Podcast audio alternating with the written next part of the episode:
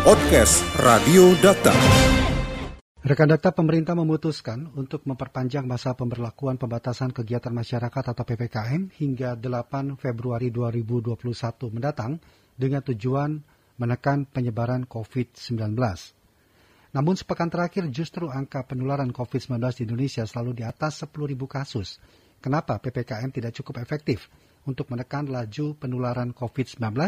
Untuk itu kami akan membahasnya bersama dengan anggota Komisi 9 DPR RI Kurniasi Mufidawati. Dokter Radio, bijak dan cerdas.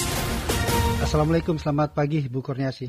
Baik Ibu, kenapa PPKM tidak cukup efektif untuk menekan laju penularan COVID-19 Ibu? Iya, kita pertama prihatin nih Mas, sudah hampir menembus angka satu juta ya. Iya eh, sangat memprihatinkan dan ini harus menjadi awareness dari kita semua seluruh komponen bangsa saya kira. Yang kedua, kita di Komisi 9 pekan lalu sudah rapat maraton selama beberapa hari dengan Kemenkes dan juga beberapa pihak terkait. Memang ini banyak evaluasi. Yang pertama adalah kita mengevaluasi banyaknya kebijakan yang tidak satu pintu ya. Artinya stakeholdernya terlalu banyak sehingga ke kebijakan di lapangan dan implementasi di lapangan ini memang apa ya banyak banyak terjadi persoalan lah di lapangan itu. Ya contohnya seperti di sini dilakukan apa namanya uh, pengetatan gitu. Halo Ibu Kurniasi. Aktivitas ya. kegiatan. Ya, ya. ya mohon maaf masih tadi ter kedengeran? Masih tadi sempat terputus Ibu. Silakan Ibu dilanjutkan. Ah, ya. Um, misalnya ada pengetatan aktivitas, tapi ketika perjalanan ini juga bebas gitu kan, physical distancingnya dilakukan atau tidak, ya termasuk juga penerbangan physical distancing dilakukan atau tidak, ini juga masih jadi jadi apa ya, jadi tantangan juga. Mm-hmm. Nah yang kedua adalah eh, jadi tadi ya ke banyaknya stakeholder yang belum satu pintu sehingga kebijakan masih suka jalan sendiri-sendiri dengan ego sektoralnya masing-masing. Kemudian yang kedua adalah uh, pendekatan kebijakan penyelesaian apa namanya pandemi ini tetap harus berbasis kepada kebijakan kesehatan atau mengutamakan penanganan penanggulangan kesehatan terlebih dahulu. Karena ini adalah bencananya bencana non alam ya, bukan bencana alam gitu. Sehingga ini harus diatasi dengan uh, pendekatan uh, scientific base dan juga pendekatan kesehatan. Ini yang benar-benar selalu kita berpesan gitu ya. Uh, nanti setelah itu diiringi dengan kebijakan-kebijakan pemulihan ekonomi. Jadi kesehatan didahulukan. Kemudian tentu saja konsekuensi dari pemerintah untuk memberikan relaksasi dan juga uh, apa namanya uh, stimulus-stimulus apa namanya pemulihan ekonomi itu dilakukan. Yang berikutnya yang kita evaluasi kemarin itu adalah 3T eh, ya. 3T ini harus dilakukan dengan lebih tepat lagi, dengan lebih cepat lagi karena banyak PCR ini masih susah dijangkau di daerah-daerah ya. Masih kekurangan lah ten, apa namanya alat PCR-nya, kemudian di daerah-daerah ya. Kemudian juga kecepatan hasil, Mas ya kecepatan yeah. hasilnya karena kalau ke puskesmas itu bisa tiga hari bisa ya. empat yeah. hari ngantri terus kemudian hasilnya juga lama nah sambil menunggu hasil ini kan kadang-kadang eh, apa namanya masyarakatnya jalan-jalan terus kemudian hasilnya positif gitu kan. Nah, ini hmm. yang eh, bisa nggak sih dipercepat gitu ya satu hari 21 kali 24 jam tuh hasil sudah langsung keluar sehingga yang dites ini juga langsung tahu apa yang harus dilakukan. Kemudian juga keterbatasan tempat lokasi isoman yang kemudian banyak masyarakat harus isolasi mandiri di rumah sementara disiplinnya juga agak belum bisa dibangun kan gitu. Nah, sehingga ditemukan banyak klaster keluarga. Hal lain juga yang kita evaluasi kemarin di, di rapat Komisi 9 itu adalah terkait dengan ketersediaan fasiankes yang sudah sangat apa namanya tidak terantisipasi gitu ya. Ini harus ditingkatkan harus ditambahkan kamar-kamar dan bed untuk perawatan pasien COVID-19 dan juga eh, apa namanya untuk penyediaan obat ya. Obat yang benar-benar berkualitas ini kita minta banget Artinya kita kan sudah hampir satu tahun nih menjalani pandemi COVID-19 ya e, supaya tidak supaya pasien-pasien COVID ini bisa segera disembuhkan itu harusnya terus di apa ya dilakukan penemuan obat yang lebih e, lebih tepat dan lebih cepat ya. bisa menyembuhkan gitu. Karena kita menemukan berapa case di lapangan itu Kadang-kadang obatnya cuma dikasih yang biasa-biasa aja, padahal ada obat lain yang misalnya bisa mempercepat kesembuhan. Nah, yang kayak gini-gini, alkes, ya kemudian obat, ya dan semua kebutuhan-kebutuhan untuk penanganan pandemi ini harus semuanya dipenuhi oleh pemerintah. Ini adalah kewajiban negara. Nah, di samping itu 3M ya. 3M ini masih masih sangat apa namanya jauh dari disiplin ya. Kita harus saling bantu, saling support dan mungkin kita perlu melibatkan uh, masyarakat di apa tokoh-tokoh masyarakat lokal, influencer-influencer di level lokal gitu ya untuk bisa terus mengkampanyekan dan mengajak untuk disiplin 3M yang lebih tertib lagi, lebih disiplin lagi dan lebih ketat lagi. Ya. Dan kita juga sudah mengusulkan Mas Rudi kepada pemerintah coba PPKM ini diperketat berbasis uh, skup daerah yang lebih kecil misalnya RT, RW, kelurahan yang memang uh, yang paling mengenal warganya kan pasti Pak RT, Pak RW kan. Mana yang klaster keluarga, mana yang klaster per RT, per RW-nya kan sehingga di situ dikelola gitu loh dengan secara maksimal untuk penyembuhannya dan pembatasan penularannya ya, gitu. Ya, baik. Itu akan lebih efektif.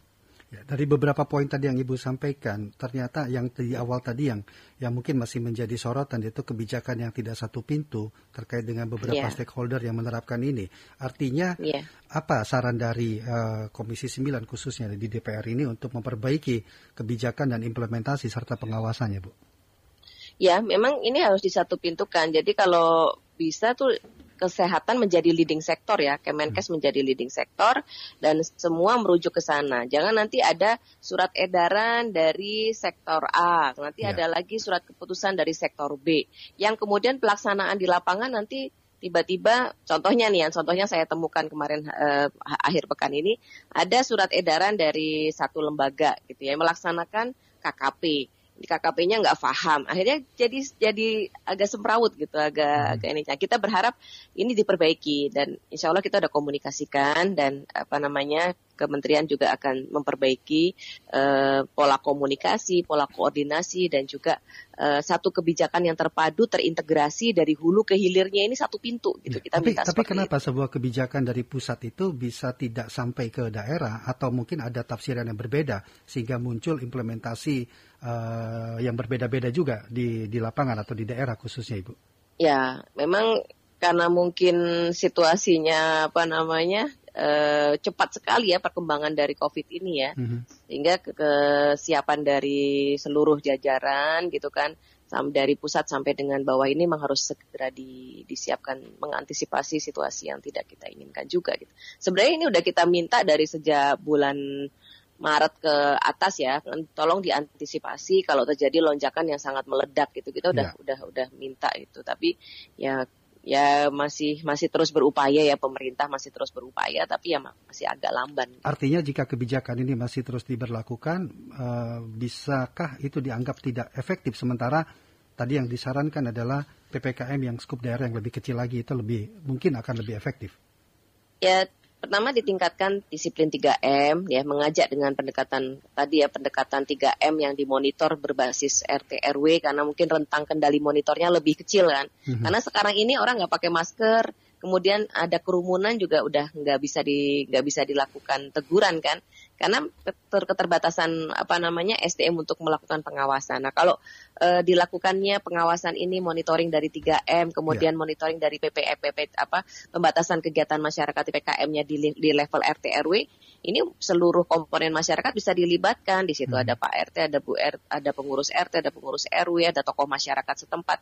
Sehingga mari kita ciptakan bersama-sama di lingkungan kita masing-masing lingkungan yang bebas dari COVID misalnya seperti itu sehingga semangat semangat positif inilah yang terus dibangun gitu. Baik. Gitu. Ya tadi juga ibu katakan bahwa meminta atau hasil dari evaluasi uh, melakukan pendekatan dari sisi kesehatan dan juga scientific base. Apakah selama ini yang dilakukan pemerintah tidak terkesan kepada pendekatan kepada kesehatan dan juga scientific base yang ada?